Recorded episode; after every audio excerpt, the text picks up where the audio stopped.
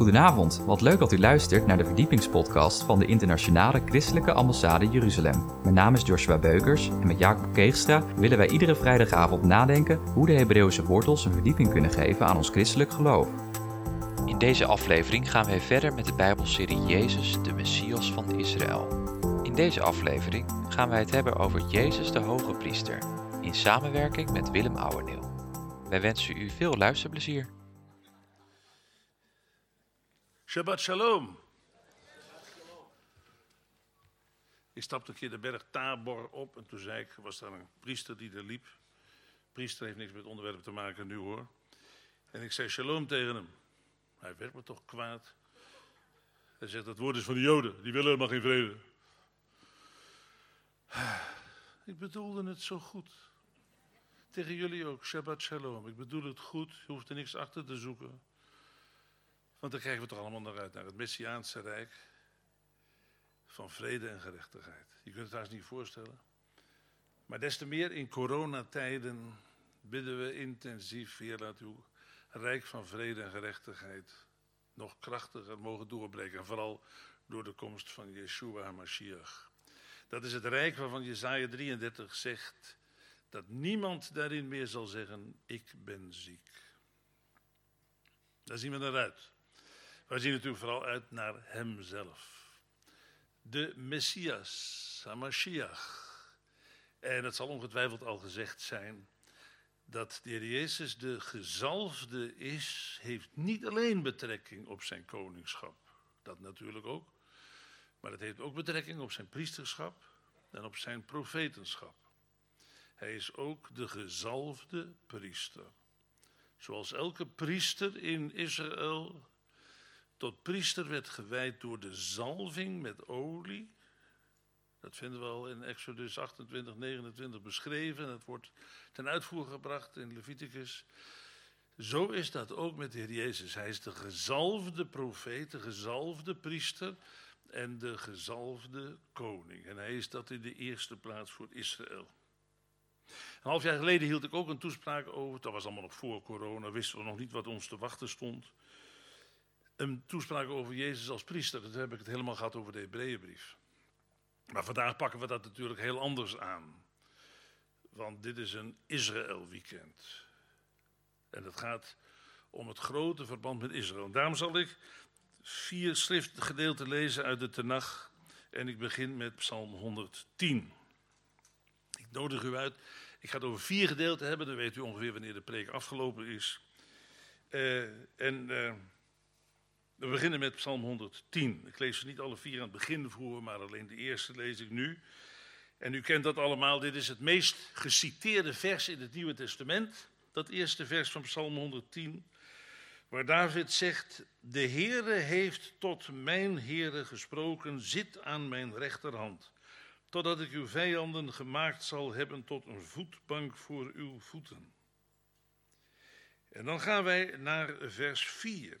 De Heere heeft gezworen en hij zal er geen berouw over hebben. U bent priester voor eeuwig, naar de ordening van Melchizedek. Nou, u weet het vooral, vers 4 wordt in de Hebreeënbrief vele malen geciteerd. Want de Hebreeënbriefschrijver wil daarmee duidelijk maken dat de Heer Jezus, hoewel hij uit de stam van Juda was en niet uit de stam van Levi, toch priester is. Maar dan niet priester naar de ordening van Aaron, de ordening van Levi, of hoe je het noemen wilt, maar naar die van Melchizedek. Maar laten we eerst beginnen met dat eerste vers. Want dat eerste vers is buitengewoon belangrijk, eh, omdat het eigenlijk het enige vers is in het Oude Testament dat de hemelvaart van de Heer Jezus voorzegt en zijn verheerlijking aan Gods rechterhand. De Joodse uitleggers die dat zo lezen, denken veel eer aan een koning, David, of een van zijn uh, nakomelingen. David schrijft dit. Uh, je zou kunnen toepassen op elke koning uit de dynastie van David. Uh, en dan denkt men daarbij dat hij de ereplaats mag innemen aan Gods rechterhand, maar dat is dan noodzakelijk hier op aarde. Hoe zou dat anders kunnen?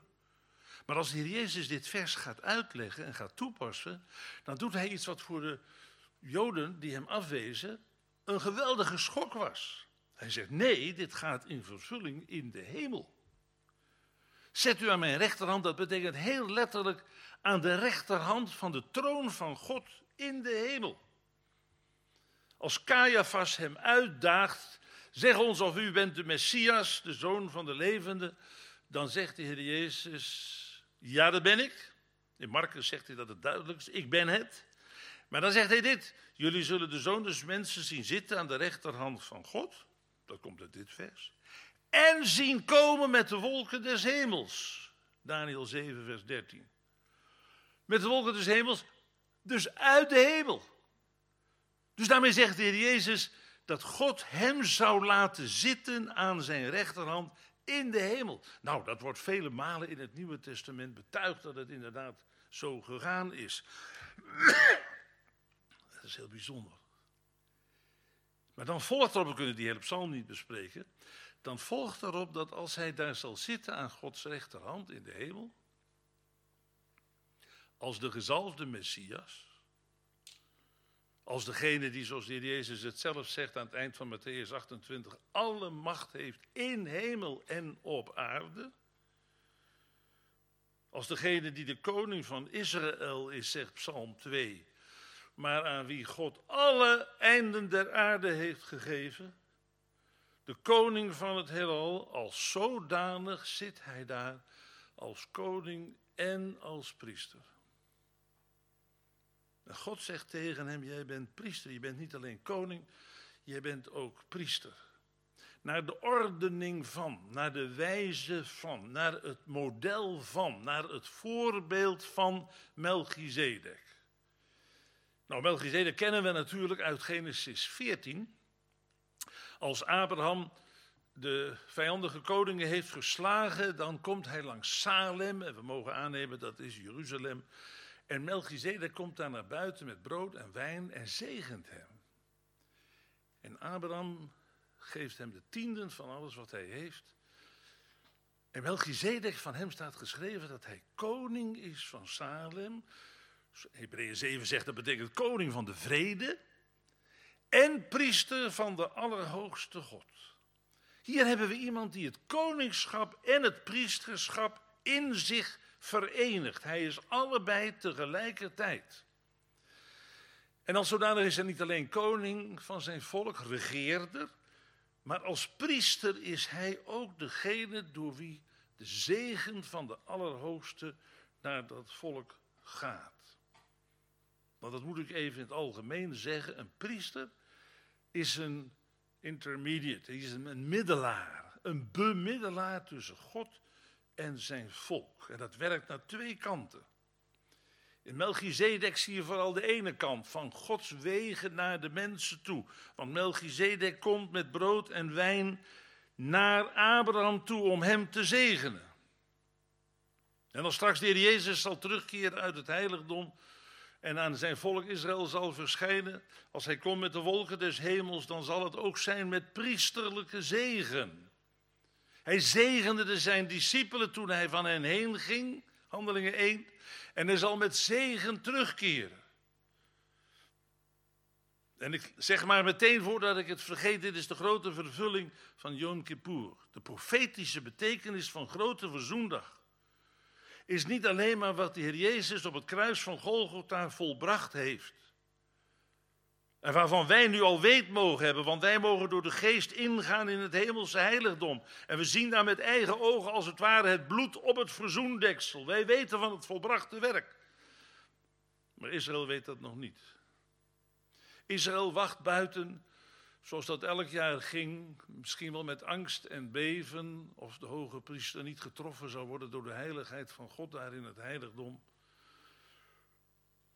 Daarom hadden ze een touw aan zijn voet gebonden, vertelt de overlevering, dat als die heiligheid van God hem zou treffen, dan konden ze hem aan dat touw naar buiten trekken. En als hij dan eindelijk kwam, dan waren ze opgelucht en verblijd. En dan kwam hij met zegen, want ze wisten, het werk is volbracht, het bloed is op het verzoendeksel, alles is oké. De hoge priester heeft alles goed gemaakt. En weet u, Yom Kippur wordt voor Israël vervuld op het moment dat Christus zal terugkeren en niet alleen zal verschijnen aan de wereld, maar openbaring 1 zegt uitdrukkelijk niet de stammen van de aarde, ik zou niet weten wat dat is, de stammen van het land. De stammen van het land zullen het zien. En hij zal komen met zegen. En ze zullen weten, alles is goed, want hij heeft alles goeds gemaakt. De priester is vanuit het heiligdom neergedaald. Hij daalt niet alleen neer als de koning. Hij daalt neer als de priester met zegen voor zijn volk. Zoals Melchizedek naar buiten kwam met zegen voor Abraham. Maar ik zei, er is een dubbele relatie. Er is ook een relatie van het volk naar God. En de priester is ook daarin bemiddelaar. Hij vertegenwoordigt het volk bij God. Het is heel merkwaardig dat de Hebreeënbrief zoveel nadruk erop vestigt dat de heer Jezus priester is naar de ordening van Melchizedek. Natuurlijk, hij was niet uit de stam van Levi, hij was niet uit de familie van Aaron, hij was uit de stam van Juda.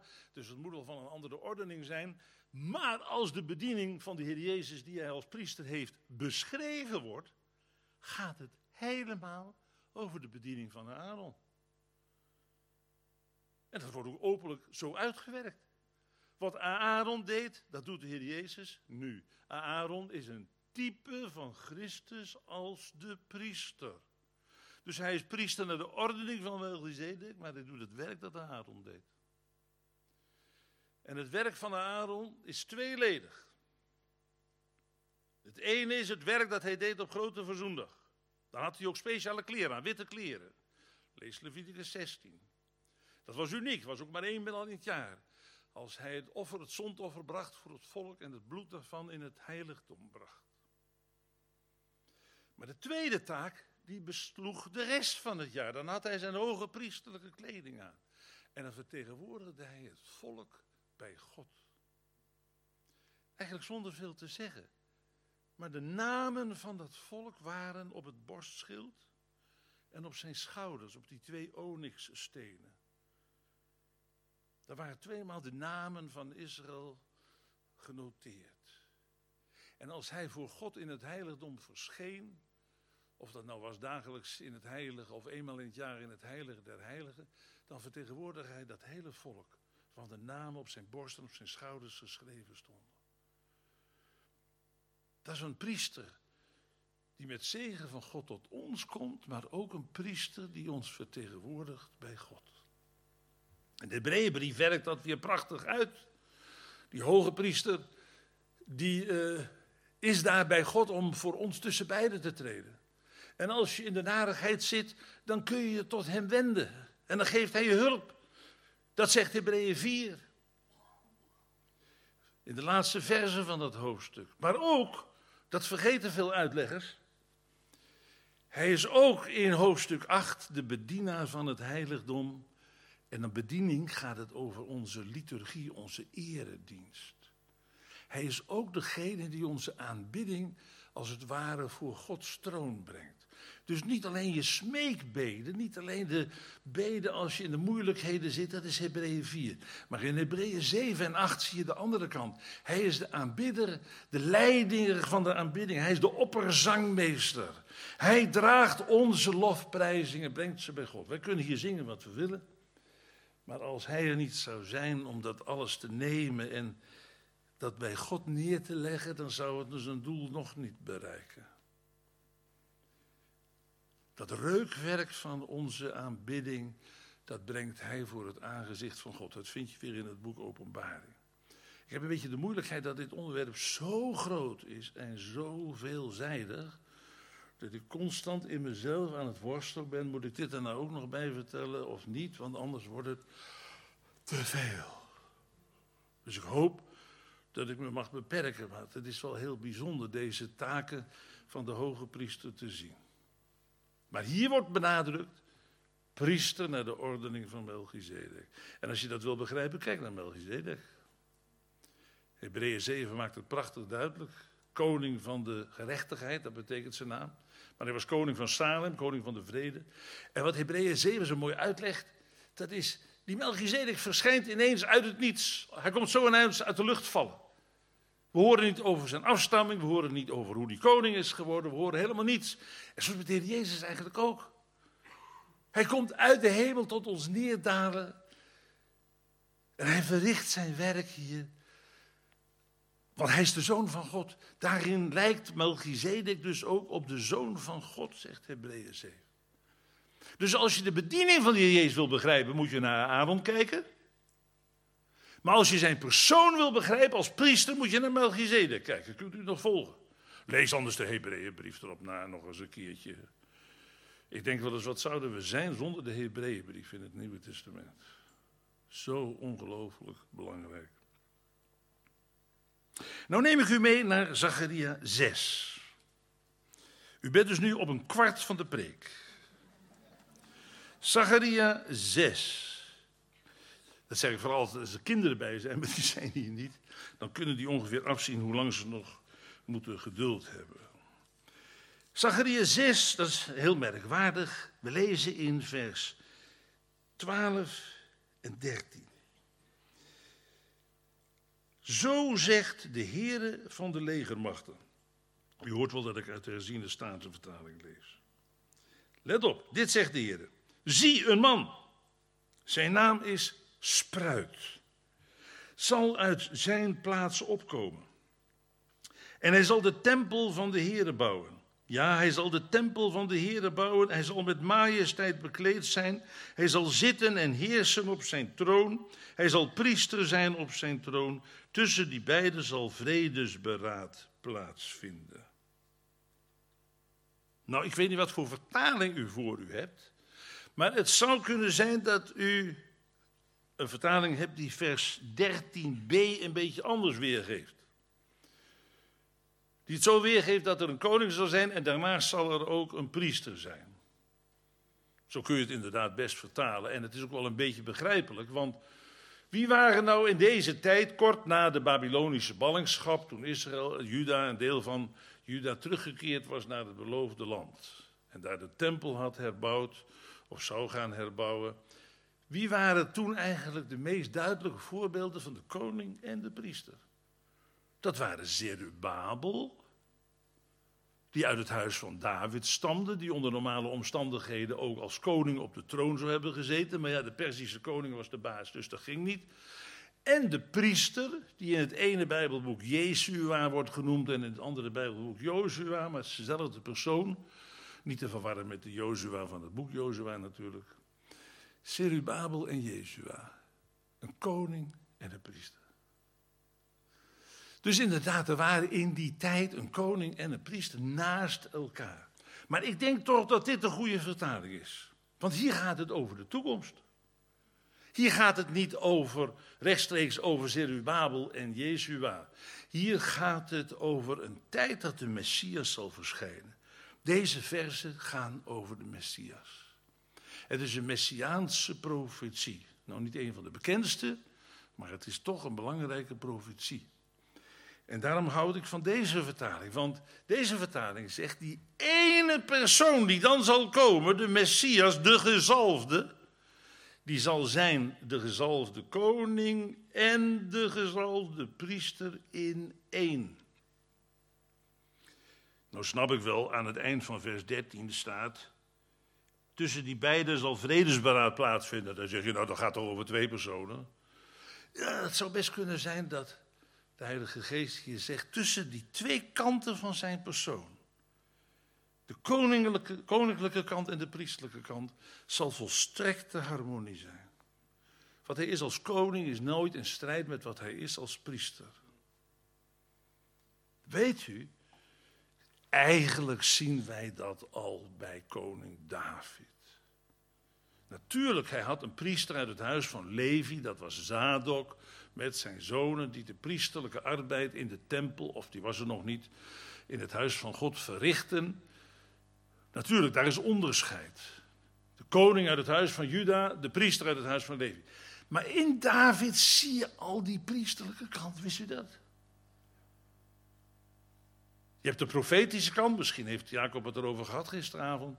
In 2 Samuel 23, daar zie je David heel duidelijk. Hij spreekt in die eerste vers over zijn profetische kwaliteiten. Nou, David de koning is duidelijk genoeg. Maar David de priester, dat zie je als de ark wordt opgevracht naar Sion, dan danst hij daar in een efot, in een priesterlijk gewaad. En later brengt hij ook offers, dat doet hij persoonlijk. En bij Salomo zie je dat opnieuw. Daar zie je al iets van de koning en de priester verenigd in één persoon, ook al konden ze niet letterlijk priester zijn, want daarvoor moet je een leviet hebben. Maar in de Messias zie je dat natuurlijk nog veel mooier. De Messias is koning en priester in ene. En daar staat hier ook, hij zal de tempel van de Heer bouwen. Nou, die tempel wordt uitvoerig beschreven in Ezekiel 40 tot 445. En dat heeft toch altijd wel veel moeilijkheden gecreëerd. Ik mag nou 53 jaar preken. En een van de meest gestelde vragen die ik ooit in mijn leven heb gehoord, die hoort zeker bij de top 10, dat is: hoe kan er nou straks een tempel zijn waarin ook weer offers worden gebracht? Nou, het antwoord is heel simpel. Die offers zijn niet afgeschaft. Hallo, even voor hen van gereformeerde afkomst. De offers zijn niet afgeschaft. Ze zijn vervuld. Daar mag je thuis over nadenken. Er is een groot verschil tussen vervuld en afgeschaft. Geen offer, in, daar kom ik straks nog wel op terug als we het hebben over de Heer Jezus als offer. Want hij heeft zichzelf geofferd als priester. Maar die offers in het Oude Testament, die hadden in zichzelf geen enkele waarde. Hebreeën 9 zegt, het bloed van stieren op mokken, dat kan toch geen zonde wegnemen? Die offers hadden alleen maar waarde in zover ze vooruitkeken naar het ene ware offer van de Heer Jezus. Wel, als er offers kunnen zijn die vooruitkijken naar dat werk, kunnen er ook offers zijn die terugkijken naar dat werk. En dat is voor mij de simpele verklaring van die offers die er zullen zijn in de tempel.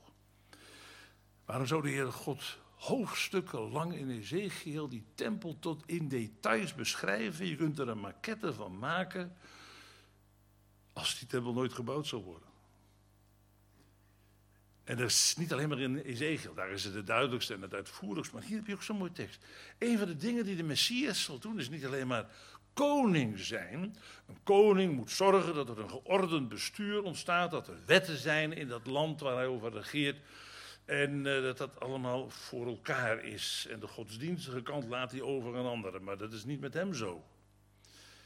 Dit is een koning die ook gezalfd is als priester. En als zodanig de eredienst regelt. Want zeg nou zelf, wat is een priester zonder tempel? Het was ongelooflijk belangrijk dat God verhinderde dat men op elke plaats in het land maar de Heer zou dienen. Want dat zou in de kortst mogelijke tijd de afgoderij in de hand werken. En dat is ook precies wat er helaas gebeurd is.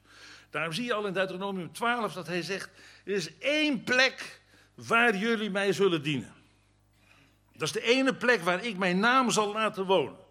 Nou, Heere God, wilt u even het adres doorgeven? Nee, dat doe ik niet. Die plek moeten jullie zoeken. Heb je er wel eens over nagedacht, hoe merkwaardig dat is? Is een plek die moeten jullie zoeken. Dat wil zeggen, jullie hart moet daar naar uitgaan. Zodanig dat je op een gegeven ogenblik weet, dit is de plek. In die tussentijd moesten de priesters zich behelpen met de tabernakel, want dat was natuurlijk toch maar een voorlopige voorziening, wel belangrijk. Maar uiteindelijk ging het erom dat er in het land een plek zou zijn waar ze naar moesten zoeken. En daar zou de tempel komen. Nou, je denkt dus als ze aankomen in het beloofde land, dan gaan ze meteen op zoek naar die tempelplek. Nu waar, toen ze door de Rode Zee waren getrokken, in Exodus 15, wat riepen ze allemaal? We gaan op weg naar Gods heilige woning. Ze kunnen daarmee het hele land bedoeld hebben. Maar het zou nog mooier zijn te veronderstellen dat ze daarmee door de Heilige Geest geleid al bedoelden. We gaan naar de plek waar de Heere zal wonen, in zijn eigen huis. Hoe lang heeft het geduurd voordat ze hem vonden, die plek? Ze zochten helemaal niet. Ze waren veel te druk met hun eigen dingen. Na de Babylonische ballingschap ging het ook zo. Ze waren veel te druk met hun eigen huizen. Zegt ach, jullie denken helemaal niet aan het huis van God. Weet u wie die plek gevonden heeft? David. Psalm 132. Zijn hart ging eruit. Heere God, ik woon in een prachtig paleis. Voor onze maatstaven maar een heel klein simpel paleisje hoor. In die oude tijden, 3000 jaar geleden. En, en u moet er ook in een huis wonen. Waar is dat, die plek? Hij vond eerst de ark, zegt Psalm 132. Die vond, die was helemaal vergeten. Die stond er ergens in het huis van Abinadab, werd goed verzorgd, maar niemand dacht aan de ark. Terwijl dat notabene het hart is van de tempel. Nou, je kent het hele verhaal. David heeft ervoor gezorgd dat die ark terecht kwam op Sion. Als een soort voorbode van de tempel die daar zou verschijnen. David heeft die ark gevonden. Er was één man wiens hart er naar uitging. Dat de Heer die plek zou krijgen van de Heer al tot Mozes gesproken had. En daar pas komt het priesterschap tot zijn recht. Want ik herhaal, wat is een priester zonder tempel? Want daar worden de offers gebracht. Een priester moet toezien op, dat doen zijn zonen ook.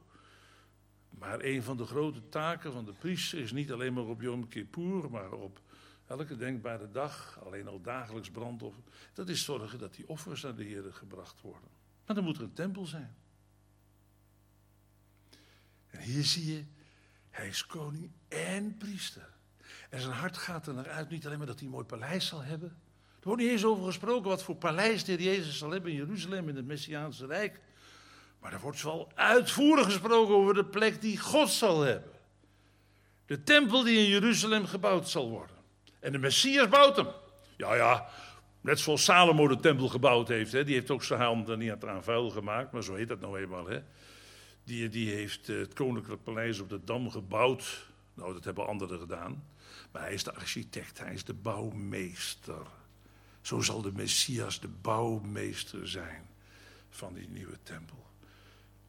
En daar zullen ook weer nakomelingen van Zadok, de Levieten, de priesterdienst uitoefenen. Die zullen daar de offers brengen.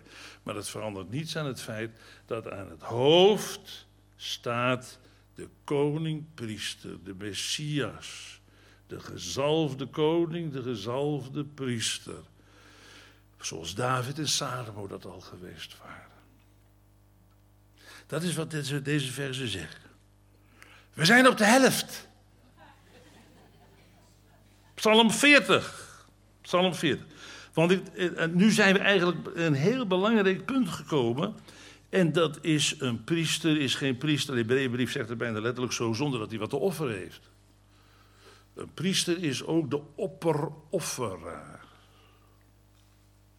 Weet u wat een van de meest. Nee, laat ik eerst dat schriftgedeelte voorlezen. Psalm 40, vers 7. U hebt geen vreugde gevonden in slachtoffer en graanoffer. U hebt mijn oren doorboord. Brandoffer en zondoffer hebt u niet geëist. Toen zei ik, zie ik kom. In de boekrol is over mij geschreven. Ik vind er vreugde in mijn God om uw welbehagen te doen. Uw wet draag ik diep in mijn binnenste. Dat is merkwaardig. Nou ga ik die vraag zeggen, eh, die zin afmaken die ik net al zei. Een van de meest pijnlijke vragen die je aan een orthodoxe Jood kunt stellen, en ik heb dat ook wel eens gedaan, is deze. De grond voor jouw behoudenis ligt in de verzoening. Maar waar is het offer voor jouw verzoening? Al 2000 jaar is er geen tempel, al 2000 jaar zijn er geen offers die gebracht kunnen worden. Heb jij de Torah in je leven perfect volbracht? Nee, natuurlijk niet. Daarom neemt een Jood Yom Kippur ook vandaag de dag uiterst serieus. Waarom?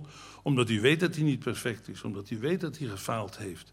In die eerste tien dagen uh, van het nieuwe godsdienstige jaar dat zijn de Yamim Noraim, de ontzagwekkende dagen tussen Rosh Hashanah, het Joodse nieuwjaar, en Yom Kippur, van de eerste tot de tiende maand. Tien dagen lang zich bezinnen op zijn zonde. Dat betekent al dat hij best weet dat hij niet perfect is. En de Joden die dat vandaag serieus nemen, die schrijven elkaar brieven of telefoontjes. Ik heb dat en dat gedaan. Heb ik mij bedacht en dat wil ik uit de weg geruimd hebben. Want Yom Kippur wil ik met een schone lei opnieuw kunnen beginnen. Wil je me dat vergeven? Dat is best mooi, zouden wij het misschien ook wel moeten invoeren. Zo'n tijd in het jaar dat je realiseert dat je niet volmaakt bent, het tegendeel. En dat er nog eens dingen uitgepraat moeten worden, weggedaan moeten worden. Maar dan komt Yom Kippur, het offer. Want een Jood weet heel goed, hij weet misschien niet wat er in Hebreeën 9, vers 22 staat. Zonder bloedstorting geen vergeving. Maar hij weet wel wat er in Leviticus 17 staat. Namelijk dat door het bloed de verzoening tot stand gebracht wordt. Heeft God dat beginsel ooit veranderd? Nee, natuurlijk niet. Zal een Jood de eerste zijn om dat toe te geven. Dus dit is die pijnlijke vraag. Waar is jouw offer? Je zou bijna kunnen zeggen, zoals de vraag van Isaac in Genesis 22, waar is het land en brandoffer? In dit geval is het het zondoffer. Waar is jouw zondoffer? Je viert Yom Kippur. Waar is het zondoffer? Zo'n pijnlijke vraag. Mag je ook alleen maar doen als je elkaar lief hebt en als je elkaar goed kent en als je vertrouwelijk erover kan praten. Want anders lijkt het een vraag van cynisme en van hooghartigheid. Jullie hebben geen offer, jullie kunnen helemaal niet behouden worden. Het Joodse antwoord zou kunnen zijn dat de rabbijnen al gezegd hebben: de gebeden nemen de plaats in van de offers. En er wordt ontzettend veel gebeden, van s morgens vroeg tot avonds, tot eind van de middag in Yom Kippur. Heel veel gebeden. En zeg je, goede vriend, geloof je het nou echt? Dat de offers vervangen zijn door de gebeden. Waar is je offer? Nogmaals, moet je veel van elkaar houden en goed, goede verstandhouding hebben, veel vertrouwen om zulke vragen te kunnen stellen. Maar hij blijft wel hangen. elke Jood, heel diep in weet dat ook. Waar is het offer? Waar is het offer? Daarom is de komst van de Heer Jezus als priester zo belangrijk. Hij komt uit het heiligdom. En dan zal Israël weten, het offer is gebracht. Maar dan zullen ze ook begrijpen wat voor offer dat is. Dat is het offer van de Heer Jezus zelf. En dat is nou het bijzondere in Psalm 40. Daarom lees ik zo graag uit de Tenach. Want deze passages kennen die Joden. De Hebreeënbrief zegt ze niks, maar dit weten ze. En als je deze versen goed leest, dan zie je, is heel merkwaardig. In de eerste plaats worden hier vier van de vijf offers uit Leviticus genoemd. Het slachtoffer, dat is, dat is het eerste, dat is eigenlijk het uh, Uh, Zebach uh, Shelamim, dat is het vredeoffer van Leviticus 3. Dan het graanoffer, dat is oftewel het spijsoffer van Leviticus 2. Dan het brandoffer van Leviticus 1. En het zondoffer van Leviticus 4 en 5. Het schuldoffer ontbreekt nog, maar dat is een bijzonder onderdeel, zou je kunnen zeggen, van het zondoffer. zijn er allemaal.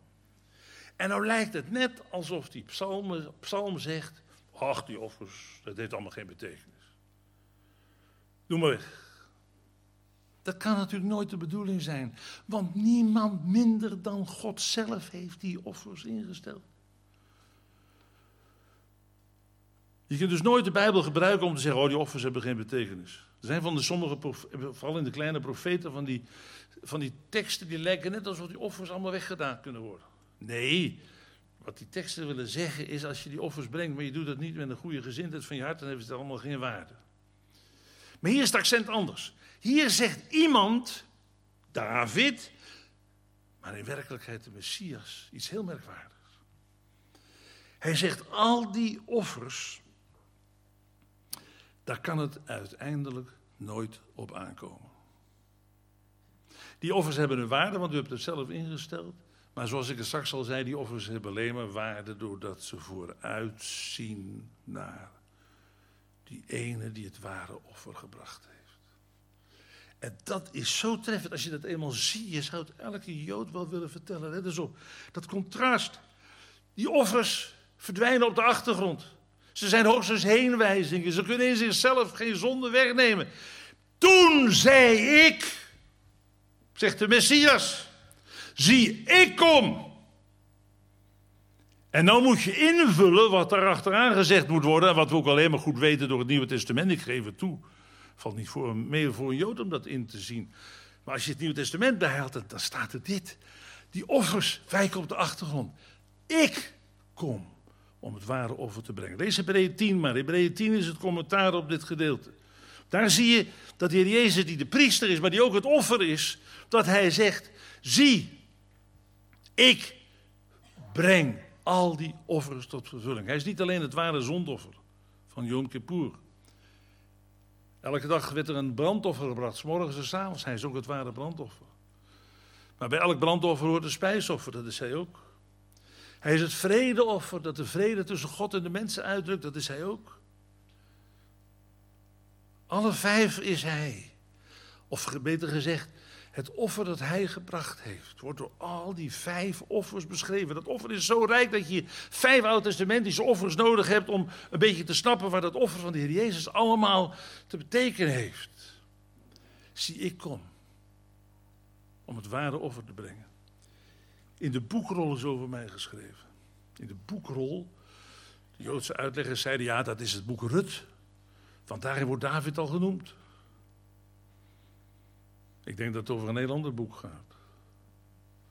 Een boek waar Peter dus op doelt in 1 Petrus 1 vers 19, waar hij spreekt over het lam dat voorgekend was voor de grondlegging der wereld. Toen God Genesis 22 liet optekenen, waar is het lam ten brandoffer? Was het antwoord al in de eeuwigheid gegeven. Het lam voorgekend voor de grondlegging der wereld. En toen God aan Mozes die vijf offers gaf, toen wist hij al dat die vijf offers alleen hun betekenis zouden hebben in het offer van hem die hier gezegd, beschreven wordt. Ik kom om uw wil te doen. In het eeuwige boek van Gods raadsbesluit sta ik al genoteerd. De prediker lezen we als de slang bijt voordat de bezwering heeft plaatsgevonden, dan helpt de bezwering niet meer. Bezwering achteraf, dat helpt niet meer. Als je eenmaal door corona aangestoken bent, dan helpt een vaccin achteraf niet meer. Want dat vaccin is geen geneesmiddel, dat is een voorbehoedmiddel. Om te zorgen dat je het niet krijgt. Wel, toen de slang beet in Genesis 3, had de bezwering al plaatsgevonden in de eeuwigheid. In het boek van Gods raadsbesluit. Het lam voorgekend voor de grondlegging der wereld. Als de Heer Jezus de priester is, kun je daar niet van losmaken dat hij ook het ware offer is. Hij brengt zichzelf. In de Hebreeënbrief brengt die balans zo mooi tot uitdrukking. De priester, die moet ook een offer hebben. Wat is een priester zonder offer? Ik zei, wat is een priester zonder tempel? Wat is een priester zonder offer? Wel nu, wat is het enige offer dat in aanmerking kwam, zegt de Hebreeënbrief? Dat is hij zelf.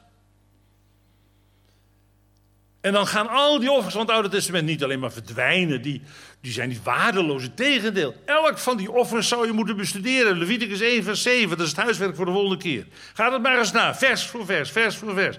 En bekijk maar eens wat het allemaal te vertellen heeft over het werk van de Heer Jezus. Geweldig rijk. Maar ze zijn alleen maar vooruitwijzing. Naar Hem toe die het ware offer gebracht heeft. En daar verdwijnen alle andere offers bij. Ze verliezen hun waarde niet, maar ze ontlenen hun waarde alleen aan het offer van de Heer Jezus. Ik kom om uw wil te doen. Soms dacht ik wel eens, dacht ik als kind al, waarom is de Heer Jezus niet gewoon op aarde gekomen vanuit de hemel om rechtstreeks naar het kruis te gaan en daar het offer te brengen? Waarom is een heel leven? Wel onder andere omdat hier staat, en nou, nou, ga ik toch even die oude statenvertaling citeren. Uw wet is in het midden mijns ingewand. Uw Torah zit hier van binnen. Ik ben één en al Torah. Jezus is niet alleen maar de zoon van God uit de hemel neergedaald om het offer te zijn. Hij was die waarachtige mens, de tzaddik, de rechtvaardige, zoals er in Israël nooit een rechtvaardige is geweest. Vanaf, het kind, vanaf zijn kindsheid tot aan het kruis. De enige die in aanmerking kwam om het ware offer te zijn, dat was hij die kon zeggen: Ik ben een en al Torah. De Torah is in het midden van mijn binnenste. Hier is hij. En van daaruit straalt het door alles wat ik doe en alles wat ik zeg en alles waar ik loop en, waar ik, en wat ik hoor en wat ik zie. Het is alles Torah. Hij verkondigde niet alleen de Torah. Dat deed Mozes ook, maar Mozes was niet Torah. Mozes was maar een feilbaar mens. Maar de heer Jezus verkondigde niet alleen de Torah, hij was Torah. En toen zei God, dit is de enige die in aanmerking komt om het offer te worden. Juist omdat hij volmaakt was. Wij gaan naar de laatste passage, dat is natuurlijk Jezaja 53. En dat is wel merkwaardig hè, dat Jezaja 53 nooit in de synagoge gelezen wordt. Hoort niet bij de aanvullende profetische lezingen nadat de Torah gelezen is. Als je Jood alleen maar afhankelijk bent van de schriftlezingen in de synagoge, dan zul je nooit Jezaja 53 horen. Jezaja 53 is weggemoffeld. Terwijl de oudste uitleggers, dat kan iedereen nagaan, allemaal gezegd hebben, dit moet over de Messias gaan. Pas later, toen de Joden begrepen wat voor gebruik de christenen maakten van Jezaja 53, zeiden ze nee, dit, kan niet, dat moet over de, de Israël gaan enzovoort. Dat is zo belangrijk. Hoeveel Joden zijn er niet door de eeuwen heen geweest voor wie de ogen pas werkelijk open gingen voor Yeshua HaMashiach. Toen ze Jezaja 53 gingen lezen. Ik lees alleen maar vers 5 en 6 en vers 10. Jezaja 53, vers 5. Hij is om onze overtredingen verwond, om onze ongerechtigheden verbrijzeld. De straf die ons, denk dan, hier is Israël dat spreekt, hè? Dit zijn niet de heidenen die tot Israël spreken, zoals sommige rabbijnen het hebben uitgelegd. Dit is Israël dat spreekt. De straf die ons de vrede aanbrengt, was op hem. Met andere woorden, doordat de straf op hem was, kunnen wij vrede, shalom hebben. Door zijn strimmen is er voor ons genezing gekomen. Wij dwaalden alle als schapen, wij keerden ons ieder naar zijn eigen weg, maar de Heer heeft de ongerechtigheid van ons allen op hem doen neerkomen. Vers 10. Het behaagde de Heer hem te verbrijzelen. Hij heeft hem ziek gemaakt. Als zijn ziel zich tot een schuldoffer, hè, daar heb je het schuldoffer ook nog. Als zijn ziel zich tot een schuldoffer gesteld zal hebben, zal hij nageslacht zien. Hij zal de dagen verlengen, het welbehagen van de Heer zal door zijn hand voorspoedig zijn. Nou, ik zou heel veel tijd kunnen nemen, dat mag niet. Over de leidende knecht des Heren. Jezaja 42 tot 53. Vier ongelooflijk belangrijke profetieën. Waarin je trouwens ook heel veel van Israël ziet. Want er is een heel diep verband tussen Israël en de Messias. Ik heb ooit een uitdrukking gevonden, niet van mezelf, maar die voor mij enorm veel betekend heeft om heel veel van dit soort passages te begrijpen. En dat is dit. De Messias is het ware zelf van Israël. Hij is als het ware Israël in geconcentreerde vorm. Maar dan het ware Israël, het Israël van God, het Israël dat de Heer dient, het Israël van het tzadikim, het Israël van de getrouwen. Die ook kunnen zeggen, ook al hebben ze veilen en falen, dat de Torah in hun hart zit. Hoe lief heb ik uw Torah, zoals Psalm 119 zegt. Er zit heel veel van Israël in deze hoofdstuk. Daarom is het ook verwarrend. Het is ook moeilijk, die hoofdstuk uit te. Vooral die eerste gedeelte in Jezaja 42, 49. Maar dan gaat het over het ware Israël. Want Israël is ook de knecht in deze hoofdstukken die gefaald heeft, die in het donker te zitten, die verlossing nodig heeft. En uiteindelijk concentreert het zich op die ene persoon. Een man, zo staat het ook letterlijk. Hè? Een man staat al in vers 3. Een man van smarten. Een man, die ene. Israël in een notendop, met eerbied gezegd. Israël zal nooit tot het diepste inzicht over zichzelf komen.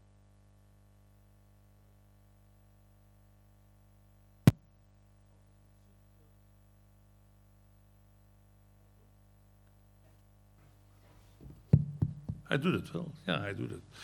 Als Israël niet inziet dat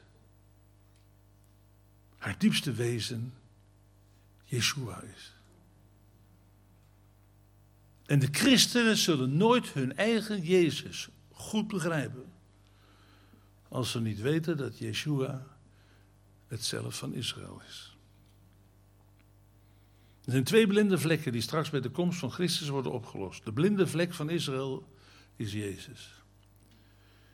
De blinde vlek van de volkeren, van de christenen, is Israël. We denken dat we Israël kunnen krijgen, los verkrijgbaar van Israël. Dat kan niet. En Israël denkt dat het het heil kan ontvangen buiten Jezus om. Dat kan ook niet.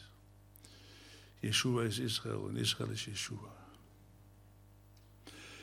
En uiteindelijk zal Israël zien, er is er één die de straf gedragen heeft. Ik stel straks die pijnlijke vraag aan Israël. Waar is jullie offer? De vraag van Isaac, een van de meest bewegende vragen, ontroerende vragen van het hele tenag. Waar is het lam ten brandoffer? Dat is een vraag al in Genesis gesteld en die gaat door tot aan het einde van de geschiedenis. Een, vraag die altijd weer tot Israël komt. Waar is jullie lam ten brandoffer? Vertel me. Nogmaals, het moet je heel liefelijk vragen, want anders wordt het een uitdagende vraag en dan verlies je alleen maar alles. Alsof jij het beter weet. Waar is het land ten brandoffer? Totdat hij terugkeert uit het heiligdom en dan zal Israël het weten. En dan spreken ze deze woorden. Figuurlijk gesproken, als ik, of figuurlijk, als ik het zo zeg, maar profetisch, als Israël op Yom Kippur, de hoge priester, ziet neerdalen uit het heiligdom. Dan spreken ze deze woorden. Wat? Hij is degene die onze zonde gedragen heeft. Al die duizenden kalveren en rammen. Al die geitenbokken. Nee, hij. Dan zullen ze het zien, hij heeft onze zonde gedragen.